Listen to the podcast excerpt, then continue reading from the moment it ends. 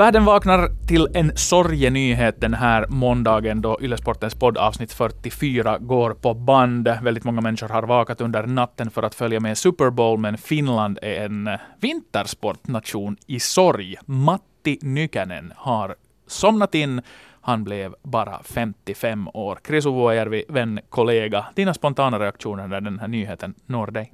Sorgligt och det handlar då som förstås som det sägs i de här sammanhangen och det är ett faktum, en av Finlands största idrottare genom tiderna.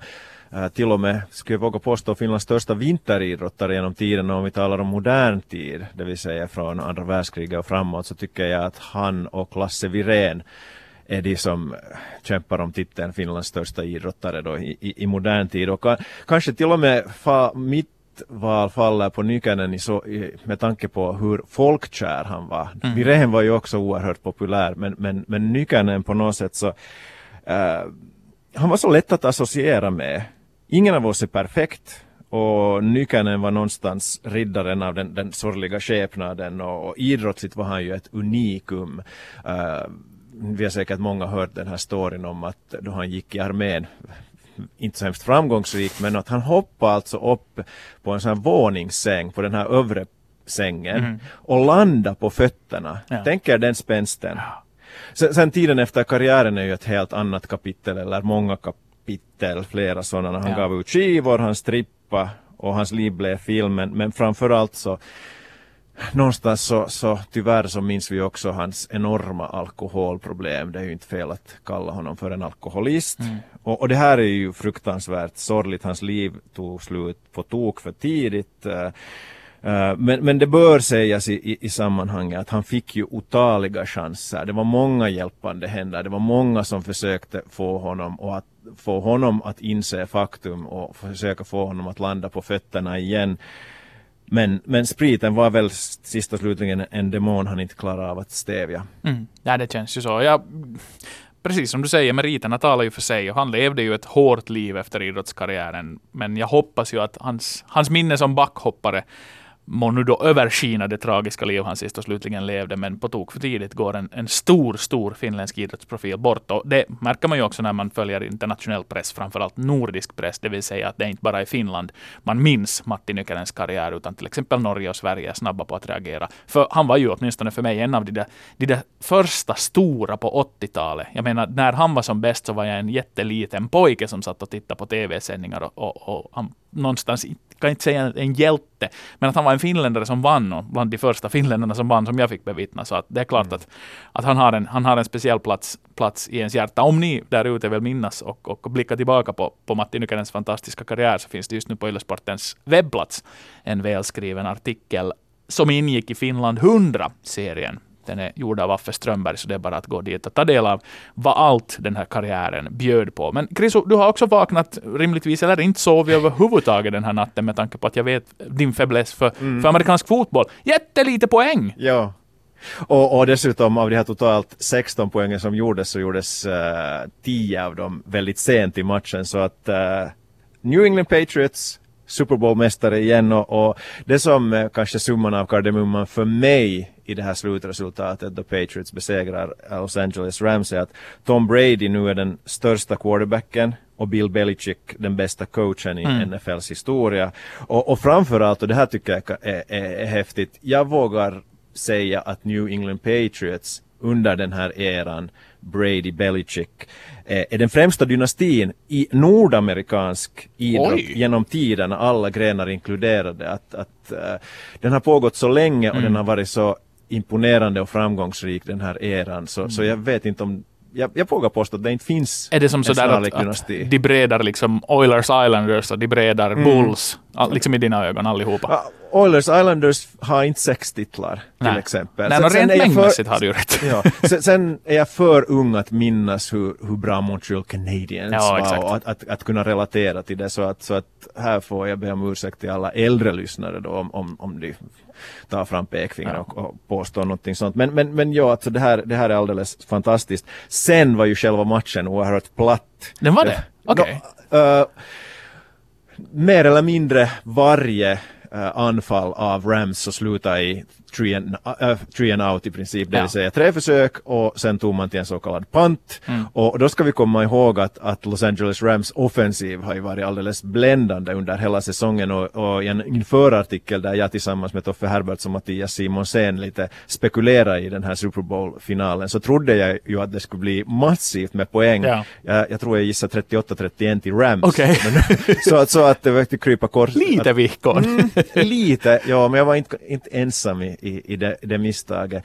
Uh, och, och skillnaden var ju otroligt stor till den oerhört underhållande och fantastiska Super Bowl vi hade för ett år sedan. Du Mm. minns kanske hur vi tittade på den då vi nyss hade anlänt till, till Pyeongchang Yes. då Philadelphia Eagles besegrade Patriots. Och, och i den matchen så tvingades ju lagen inte en enda pant Mm. tänker det. Så, att, så det, var, det var diametralt motsatt. Så det här var liksom då för de som gillar eh, att påstå att det är försvar som vinner titlar så, så var det igen ett krux i det protokollet. Mm. Ja, men det är ju intressant och jag menar framförallt, det känns väl som så att det här var då den där, jag menar du nämnde de, de där sex titlarna.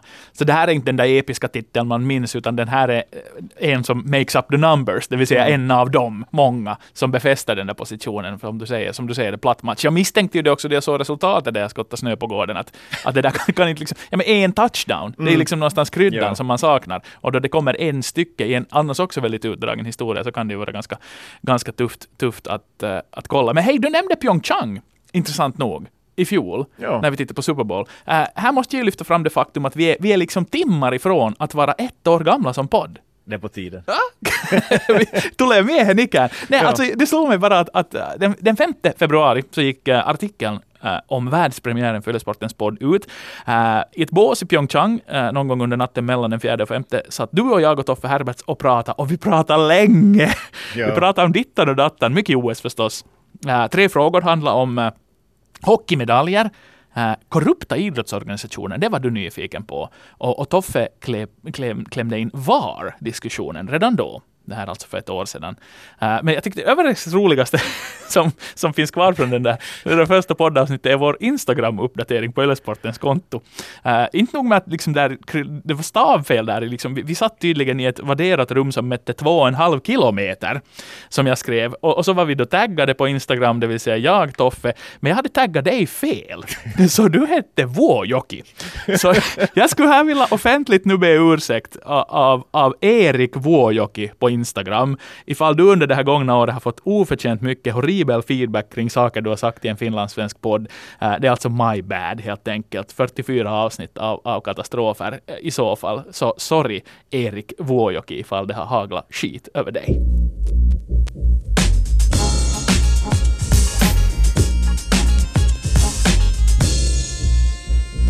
Grundserien i NHL är rejält över halvvägs och faktum är att vi här i podden inte har tagit pulsen på Patrik Laine sen vårt uppsnack inför säsongen så nu tycker jag att det är dags igen. Uh, Laines säsong den har ju varit, ska vi kalla den häpnadsväckande. I oktober gjorde han tre mål, i november 18, i december 3 och i januari en enda fullträff. Antti, har du någon förklaring till den här statistiken och framförallt Patrik Laines måltorka Jag kan- de senaste månaderna? Jag kan inte förstå, men, men, men sen, sen igen då man, man, man sitter och räknar så, så håller ju tempot ändå för en säsong på 40 mål. Och enligt gamla mått så skulle det ju vara en otroligt acceptabel siffra. Är du en 40-målsskytt i NHL, eller var du en 40-målsskytt i NHL, så var det ju någonting exceptionellt bra. Men, men här måste vi ju tänka att vi är inne på en helt annan planet nu när det kommer till kravnivå på Patrik Laine. Tredje året på kontraktet, eh, kurvan som har pekat uppåt i fjol, det här duellen med, med Alexander Ovechkin. Så att, så att allting handlar om, om huruvida han gör mål eller inte. Och då går det ju jättebra för Jets dessutom. Det är ju det som är så otroligt märkligt i hela den här ekvationen. Och Jag tycker att, att Anders Nordensvan summerade bra då han gav här delårsbetyg äh, till de finländska NHL-spelarna i, i fredagens NHL-kolumn. Äh, citat. När han inte skjuter mål är han tyvärr inte en alls bra hockeyspelare. Men när han plötsligt drämmer in 18 mål på en månad är han värd sin vikt i guld. Om den månaden då blir maj, så, så är det ju mera sant än någonsin. Äh, men för tillfället så, så förstår ju ingen ens i Winnipegs organisation vad som håller på att ske. Det är, det är sjukt otroligt, otroligt hur det kan vara sådär. Mm, ja, du har säkert också läst de här uh, artiklarna och det spekuleras i att han, han trivs allt för väl med Fortnite, mm. det vill säga konsolspelet. Jag har själv lite svårt att tro på det. Jag tycker att det är en, en ska vi säga, en desperat grej eh, desperat försök att hitta en förklaring mm. till den här måltorkan. Så jag köper inte för att eh, vi ska komma ihåg att Line alltid varit en stor vän av att spela de här konsolspelen. Och, och idrottare behöver också någon form av rekreation, det vill säga på något sätt att koppla bort. Går det till överdrift så gynnar det naturligtvis inte hans idrottskarriär, hans ishockey. Sen finns det också rykten om att, att han till den här säsongen skulle ha bytt en så kallad flex på klubban. Och, okay. och jag vet inte om det är sant och, borde han i så fall byta tillbaka. Det här är nu bara rykten. Mm. Men, men jag spekulerar här, ingen kan veta vad, vad, som rör sig i hans skalle sist och slutligen. Men mm. om jag spekulerar så tror jag väl att, att han har lite sargat självförtroende just nu. Och, och det leder till att jag tycker att han kanske tänker för mycket inne i rinken. Det, det det kommer inte längre äh, från ryggmärgen och det leder till att han ser lite sävlig och lite trög ut. Och, mm. och, och, jag tycker faktiskt inte att det har sett särdeles imponerande ut på sistone. Jag har inte sett alla hans matcher, men de jag har sett så tycker jag att Patrik Laine hör till de sämre i Winnipeg, ett lag som för övrigt går bra. Ja. Sen, sen, har jag också läst att, att, uh, och det är ingen hemlighet, att Winnipegs tränare med Paul Maurice i spetsen har försökt göra uh, Patrik Laine till en, en, mer komplett spelare. Mm. Att, att det ska finnas uh, mer tvåvägsspel i hans takter. Och, och, att det kanske sen skulle ha, ha på något sätt satt fnurror på tråden. Ja. Det är inte helt otänkbart nej, nej. Att, att allt det här hänger ihop.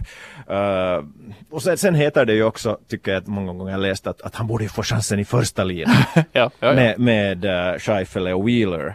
Men, men där tycker jag i sammanhanget så ska vi komma ihåg att Line fortsättningsvis har en stor roll i Winnipegs powerplay. Mm. Senaste match tyckte jag han klockades för ungefär fyra minuter mm. i numerärt överläge. En assist väl?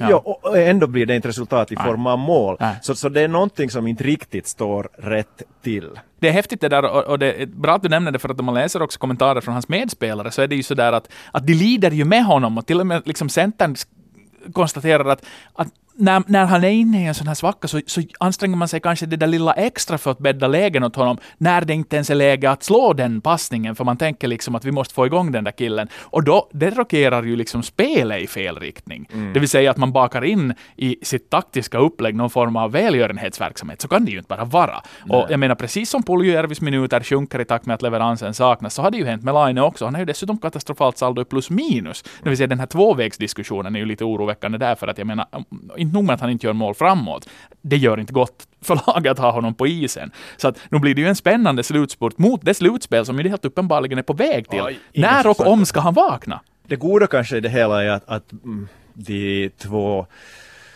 största offensiva stjärnorna i Jets jämte Line då, det vill säga just Blake Wheeler och mm. Mark Scheifele som, som jag nämnde, har varit i en liknande svacka tidigare i sin karriär och enligt uppgift från Kanada så har de tagit lite Line nu under sin vinge och, och peppar honom mm. och berättar hur de har kommit ur sina svackor under årens lopp. Så, så det är positivt.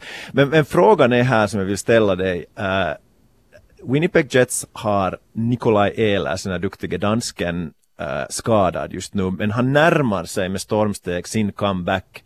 Är det så att Patrik Laine åtminstone kan tillfälligt bli petad från hela spelande truppen? Nej, gud!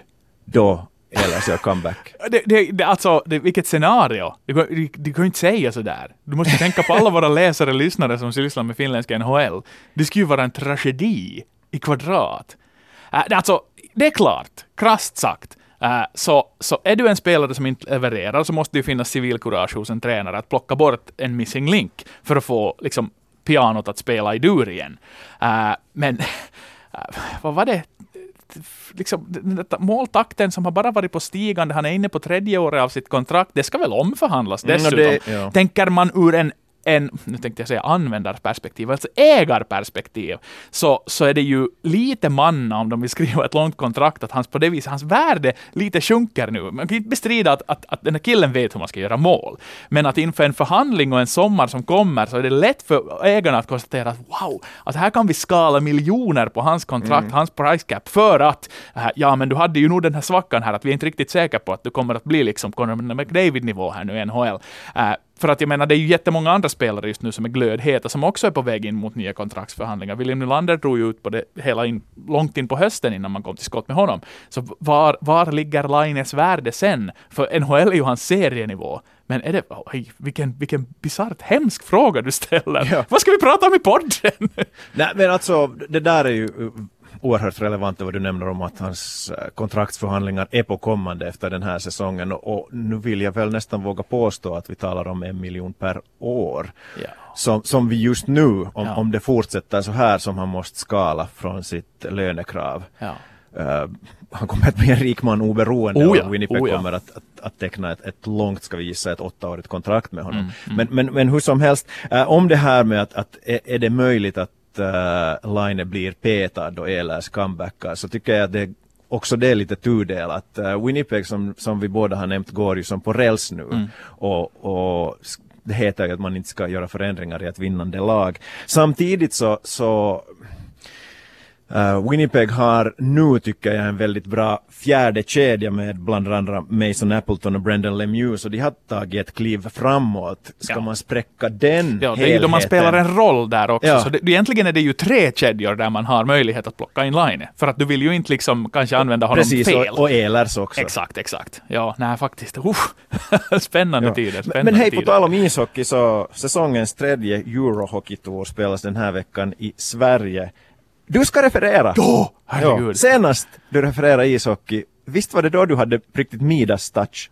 Ja, jag har haft eh, ett par bra turneringar faktiskt. Det blir med, med, med regelbunden oregelbundenhet, men, men, men eftersom du är så hockey, äh, skidsysselsatt för tillfället så får jag hoppa in och ta lite ishockey också. Eh, efter Sochi så var följande projekt faktiskt då junior-VM i Helsingfors och det gick ju helt okej.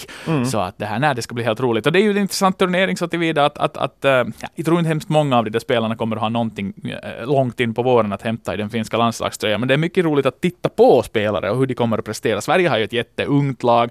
Ryssland har ganska så starkt lag på benen. Tjeckerna har ett gammalt och beprövat koncept på gång och Finland möter alla de här tre motståndarna då inom loppet av av fyra dagar en match i Jaroslavl och två matcher på Hovet. Så att liksom en sån där, en sån där check-up var flera landslagsspelare kan må, tänkas ligga just nu. Eh, jag tycker till exempel att en spelare som Oliver Kaski är jättespännande att se på med tanke på vad han gör i ligan just nu. Och sen har vi ju förstås Tirronen i mål med Vehviläinen. Framförallt kanske Vehviläinen skulle jag kunna tänka mig att ha en plats på den tredje, tredje målvaktspositionen mot ett VM, om de gör en lång och bra vår. påstå, ja. Eh, och sen en Antti Kalapudas, eh, som ju var med i det där junior-VM-laget för en tid sedan, har ju gått bra i sport nu, även om de, de magaplaskade uppe i Uleåborg här senast. Så att, att också, vad, kan, har han tagit nästa kliv i landslagshockeysammanhang? Så det blir, blir helt kul att se. Tyvärr är ju då de här riktigt ungtupparna borta. Skadorna sätter stopp för de ena var inte ens med i uttagningen och Kupari föll bort dessutom sen. sen så att, att det skulle man ju jättegärna ha sett. På Tror du vi har några finlandssvenska spelare i VM-truppen? Bra fråga. Uh, inte av de som vi har med i, i, i truppen just nu, men kommer du på någon som skulle smyga in från utsidan? Uh, Jani Hakanpää, han är ju inte klockrent finlandssvensk, men vi, om vi säger att vi adopterar Ja. honom lite. Finland skulle säga att med omitaan här. Ja, alltså han, är ju, han, är, han är ju uppvuxen här i, i. Helsingfors och, och gått från dagis ända till nionde klassen Mm. i svensk skola, så han är fullständigt tvåspråkig. Och så, så han tycker jag att har säg, åtminstone 50-50 chans Mm. att ta sig in i laget. För han, han har den goda sidan också att han är högerfattad. Ah, så, så det ger ju en, en, Ja. en ny dimension till, till, till spelet på många sätt. Sen tror jag väl att Oskar Osala inte ens kanske är intresserad. Leo Komarov har ju tackat nej till Ja, landslaget. Ja. Mm. Ehm, Rasmus Tirronen nämnde du, jag tror att han är en väldigt högoddsare. Uh, sen, sen, Kasper Björkqvist fick ju chansen i de här träningslandskamperna och den sista EHT-turneringen i fjol våras. Ja, ja. Och han gör ju en bättre säsong nu i, i college-serien i USA. Vitsi vad de flyger under radarn, de killarna. Ja, men, men inte det är helt otänkbart att Jukka Jalonen med den historia Ja, han har med Kasper. Björkqvist ger honom åtminstone chansen. Ska jag säga en 10% sannolikhet att Kasper Björkqvist är i VM-laget? Mm. Sätt en slant på det, man vet aldrig.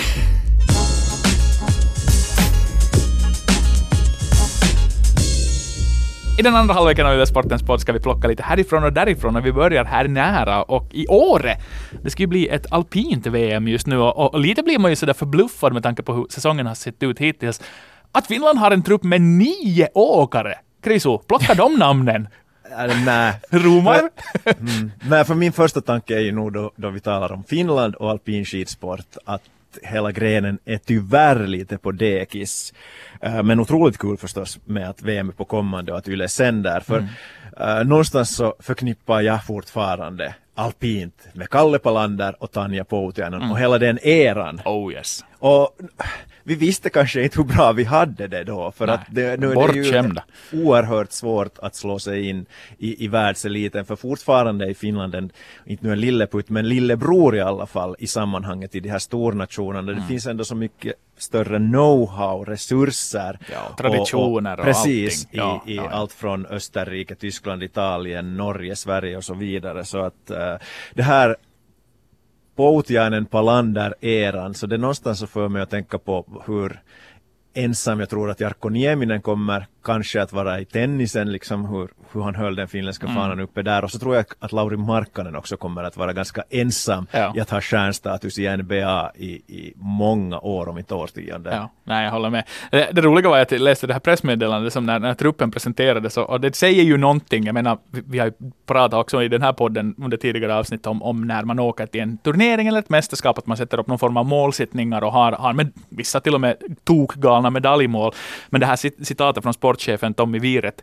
Uh, eh, under den senaste tiden har vi sett en bra uppgång, så vi åker till Åre med ett öppet sinne tycker jag säger ganska mycket om vad vi ska förvänta oss därifrån. Det vill säga inte hemskt mycket annat än, än deltagande på bred front och bra tävlingar och högklassiga referat av vår vän och numera 40, 40 år fyllda hurra, hurra, Christian Karlsson. Så att det, här, det, det blir ett roligt mästerskap. Och mm. jag återbesökte med mina pojkar faktiskt alpint här. Det råkade komma Kitzbühels slalom på TV då vi satt oss där framför TVn. Och de var sjukt intresserade och blev jättefascinerade av den där sekundstriden. Och då såg jag i dem det där som jag själv också ser i mig själv när man börjar följa med alpint. Det vill säga det är ju en otroligt bra TV-sport framförallt när det kommer till teknikgrenarna, tycker jag. Mm. Ja, ja. Och sen ännu om, om de här finländarnas placeringar så vi ska väl hoppas och tro att deras placeringar i VM är lite bättre än vad de mm. har presterat i världskuppen eftersom eh, det är begränsat antal per nation som får delta. Vilket i sin tur mm. betyder att, att Österrike då har bara sina fyra, fem per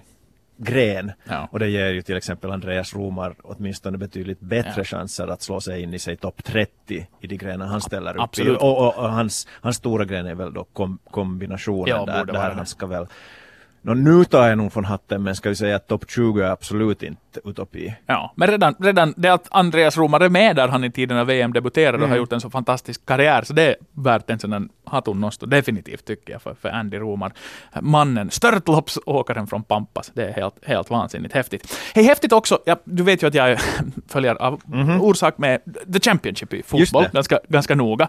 Jätte emotsett fram, fram emot ett toppmöte mellan Leeds och Norwich i veckoslutet. Norwich går och vinner på bortaplan mot Leeds. Jag tror båda de här lagen kommer att finnas i Premier League nästa säsong. De är så pass bra, de har allting i skick. Men det roliga är ju att i det ena laget finns Teemu Pukki Eh, ja. Inte att för, förglömma Apo Halme på något sätt. Men, men nu är det ju otroligt den här hans målform äh, när han snart kommer att passera Shefki Kuji.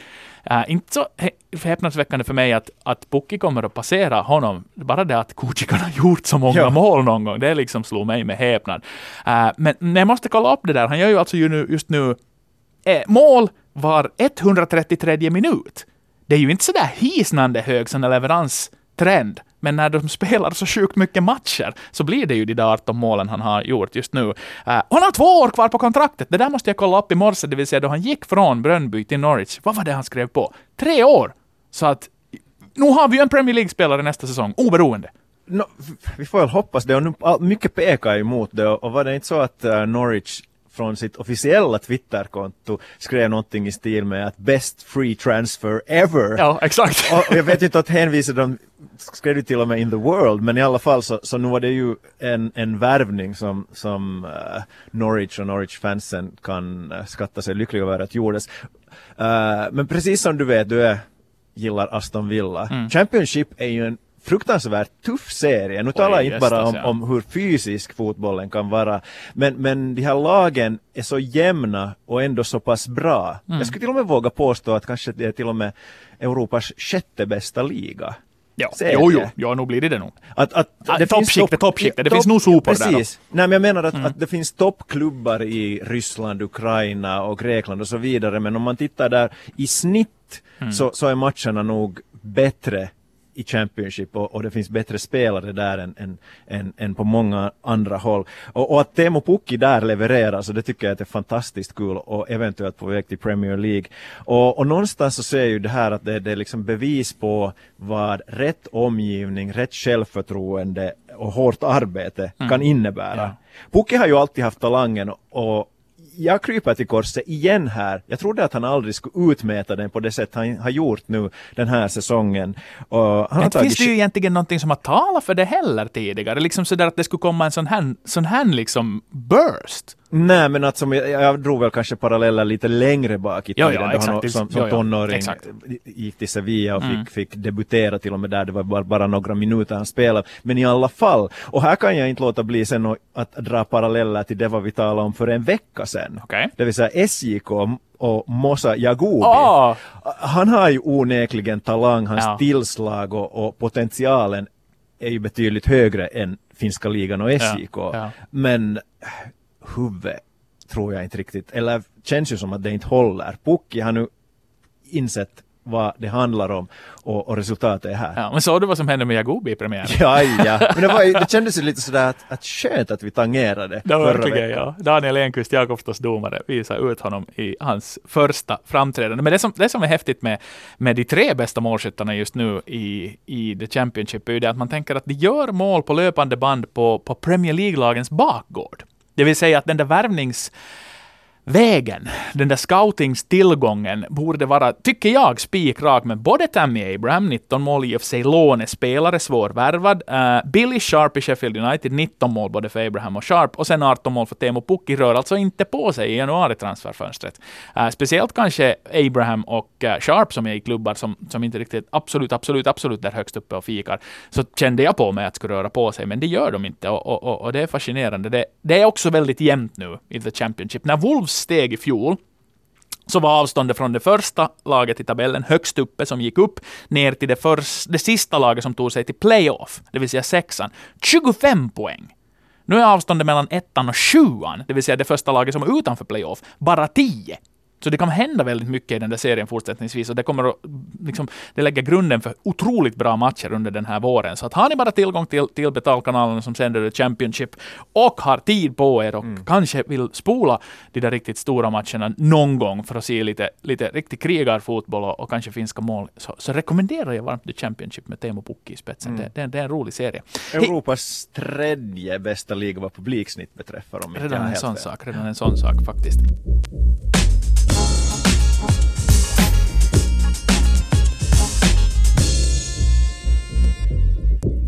Tiden går fort då vi har roligt. Eller jag har åtminstone roligt. Ja, ja, det Eh, var fantastiskt. två frågor återstår. Uh, Antti, du får börja. Mm, bra vecka förra veckan eh, när det kommer till eh, vänner av Eurovision. Uh, Song Contest. Eh, Israel väntar, Tel Aviv långt dit ännu. Men eh, två saker som hände. Sverige hade sin första Mello-deltävling. Eh, jag var väl inte helt imponerad där, men, men, men det kanske tar sig. Men Finland presenterade eh, sin kandidat. Det vill säga, vi vet redan vem som representerar oss. Vi vet inte vad hen ska sjunga, spela, musicera eftersom han är en instrumentalartist. Vilka tankar väcker det för dig att Finland efter Sara Aalto nu skickar dit Darude? Det där var min första fråga då du insåg vart du var på väg. Att kommer du att uttala det Darude eller Darud? Jag är en stor vän av Juntti-techno från 90-talet, det vet du, och då sa man Darude. Uh, min första spontana tanke var just det där som du lite tangerade att mm, det är väl i ESCs regler att det ska sjungas. Ja. Så vem ska sjunga? Mm. Så jag är inte en lika stor vän av Eurovision Song Contest som du, men jag kanske inte riktigt heller gillar det här finska systemet att, att man handplockar en artist som sen eh, levererar några alster som publiken sen ska välja mellan. Eh, men, men om det nu ska vara så, så kan jag väl tycka att Darude eh, helt okej, why not? Mm. Eh, jag gissar att han har större chanser att klara sig än Sara Aalto. Visst var det hon som var med Jo, jo, jo, jo, jo, Ja, ja. Det var ju så- under tiden vi var i Pyeongchang som hela den, det, det liksom försiggick så att jag, jag missade ganska långt det där. Jag fick bara sen höra att Monsters var den där det bidraget hon skulle tävla med, så att jag missade liksom den uttagningsdelen i fjol. Men, men det är som du säger, det, det vill säga Eurovision Song Contest, det vill säga det ska sjungas, det står i regelverket. Sebastian Reimann kommer att stiga upp på scenen tillsammans med Ville Virtanen, a.k.a. Darude då. Och det här, ett av de här tre bidragen kommer att väljas. Men, men jag menar, jag kan, jag kan tycka själv här att, att vi ligger ju lite i tiden så där då det kommer till att EDM är ju fortfarande, även om det finns de som hävdar att EDM i sin puraste form dött redan. Det vill säga att, att, att det har virri och firri. Så, så tycker jag att, att det inte behöver vara så dumt faktiskt att, att, att kasta fram ett sånt här bidrag. Tre att välja mellan, ett av dem vidare. Så att det här, eh, en försiktig tummen upp för artistvalet, men jag säger mera när jag har hört låtarna. Vad är EDM? Electronic Dance Music, det vill säga elektronisk dansmusik. Okej. Eh, så att, att den scenen, det finns bland annat ett jätte, jättebra vlogginlägg på grannkanalen för ungdomarna på finlandssvenskt håll, det vill säga på Yle X, eh, där DJ Orion, jag minns inte vad han heter på riktigt, men de satt säkert i 45-50 minuter och diskuterade huruvida EDM är död. Och jag började med att lite vara skeptisk till hela diskussionen, men det var, det var ett bra inlägg i debatten kring, kring, kring utvecklingen för elektronisk dansmusik. Så att om ni är lagda åt det hållet så, så rekommenderar jag varmt Yle X och deras YouTube-kanal, för där finns det där klippet kvar. Men nog snackat om Darude och, och EDM, du har säkert en fråga också. Jo, min fråga lyder, hur skulle du beskriva ditt förhållande till de olika sociala medierna? Det vill säga Facebook, Instagram och Twitter. Och om du har något om du är aktiv Som på några andra för sig, sociala eller medier. som- Jo, jo Ja, precis, okej. skilt för sig. För, För jag att, tänkte att det är ändå ganska annorlunda. osunt skulle ha varit liksom det där samlande ordet för, för alla. Uh, Okej, jag äh, puh, plockar tre då, de där stora som du nämnde. Uh, jag är ganska trött på Facebook, även om det är otroligt värdefullt som arbetsredskap. Så tröttsamt för mig där. Mm. Uh, Får jag ta då emellan? Så, det kan du göra. Vi, tar, jag- vi, börjar med Facebook. Ja. För Facebook lite sådär ordlek så, it's complicated, det är komplicerat som gör det på något sätt så är, är ord som, som förknippas med Facebook. Jag är också trött på Facebook och, och eh, jag tycker att Facebook framförallt är så osympatiskt som företag då allt som har kommit fram med, Nå med ja, valmanipulationer och så vidare. Sen, sen överlag så eh, har jag, fast jag nu domderar här i, i podden och på andra kanaler och som, som svenska YLE har så jag börjar bli mer och mer skygg att lägga ut Mm. privata grejer på Mm. till exempel Facebook. Mm. Men, men, vi, men en, ett plus i kanten ändå för Facebook, för var annars skulle jag ha kunnat se en bild på dig när du muckar ut ur det militära? Nå, s- sant. Sådär. ja. Tack. Roger Kjellman på Yle Österbotten. Ja, följande. Insta eller Twitter först? Insta. Eh, det är inte riktigt min grej. Jag är, är, är, det är så mycket yta. Och min yta är så otillgjord. Jag lagade upp en bild, den nyaste uppdateringen jag har gjort är på mina nya glasögon. Det är väl så långt jag kommer. så sådär, att, att jag, jag, vet, jag, jag kan inte riktigt förhålla mig till det, för jag har, jag har inte liksom insett potentialen. Däremot tyckte jag att det finns, det är roligt att någon, någon har insett marknadsföringspotentialen. Jag läste den här långa Hesari-artikeln om den här eh, gillningsringen som finska kändisar har apat efter från, från Nordamerika. Det vill säga att stora namn inom finsk Insta, inte ens jättestora, men liksom sådär kring Jaajo Linnonmaa, eh, den här Hallåt miljonäriksi programledaren, har skapat en sån här en, en överenskommelse, en, en grupp där man går in och gillar och kommenterar varandras inlägg alltid när de kommer upp för att generera trafik. Och det där är ju genialiskt. Det är ju att jobba mot algoritmen. Eh, men men att, att, att jag, jag är inte där. Och sen tycker jag kanske att jag är lite för gammal för det sociala mediet också. Eh, så att, att eh, inte riktigt min bag, har jag sammanfattat det i ett ord sådär här nu. Ja. Ungefär. Ja, men jag, jag håller fullständigt med dig. Jag tycker att Instagram är lite olustigt. Folk sätter ut sådana bilder där från sin vardag som är alldeles fantastiska och så Mm. tänker jag på mitt eget liv så är det så att inte har jag något att komma med. Framförallt som jag har gjort ett, ett principbeslut på att jag inte lägger ut bilder på, på mina barn. Mm. Så vad blir kvar då? Inte hemskt mycket. Nej, det är ju så där gamla tidningslogiken att, att, att om, man, om man jobbar på Jakobstads tidning i tiden så var det som sådär att vad ska man ha för paradbild? Så barn och djur funkar alltid. Det var liksom så cats of Instagram och kids of Instagram. Så vi, vi, är, lite, vi är lite borta därifrån. Och Twitter då? Jag älskar det fortfarande, en klassiker för mig. Som informationskälla, som, som ett sånt där märkligt sammelsurium av, av, av, människor som jag upplever att jag känner och kan. Äh, bara som exempel här i veckoslutet, äh, eller under veckoslutet, så, så äh, en kille som jag har varit följare och har, har följt själv under många år, en fotbollsdude från, från västra Nyland som hette heter, heter ska jag säga, Atte Wahlstedt. Så, så har, har haft sådär sex år funnits med där på Twitter tror jag. Och så, så skrev han på för Ekenäs IF. Och det var ju jätteroligt för honom. Och då fick jag veta att han heter inte Atte, han heter Andreas. Och, och vår vän M. Beijar, eh, en legendarisk Twitterprofil, svensk Finland, väldigt aktiv sådan i alla sammanhang egentligen. Politik, Eurovision, what not. Eh, så var ju eh, kandidat i ett, att bli en kommun, vad heter det? Direktör? Ja, alltså, han, han, var, han var i race, han var på, på slutrakan äh, för jobbet i, i Malax, fick väl det Jaha. inte. Men ändå sådär att man, man liksom, jag lever på sätt och vis med många av mina, mina Twitter-bekantskaper. Äh, och det, det, det är liksom för mig faktiskt någonting jag aldrig blir trött på. Ja. De där två andra går i vågor, men Twitter är nog för mig en klassiker. Ja, exakt samma känsla har jag där. Att, att jag, mitt förhållande till Twitter är fortfarande jättevarmt. Jag, jag vet att Twitter har tappat popularitet i, i Finland de senaste åren. Men, men det är fortfarande mitt sociala medium. Och jag får mina nyheter där snabbt. Det blir kommentarer kring nyheter. Och, och, och överraskande, ska jag kalla det, finurligheter eh, som gör mig på, bara på gott mm. humör. Mm. Och jag läste ju faktiskt i morse när jag kom på jobb. Den första uppdateringen kom från Kalle Långqvist, vår äh, vän och, och frilansare, om att äh, för att knyta säcken och återkoppla dit till vi började, att Matti Nykänen var borta. Så tack för sällskapet. Mm. Podd avsnitt 44, arenan, iTunes och Spotify. Och vi avslutar väl med att konstatera Matti Nykänen vila i frid. Det här är en Svenska Yle-podd.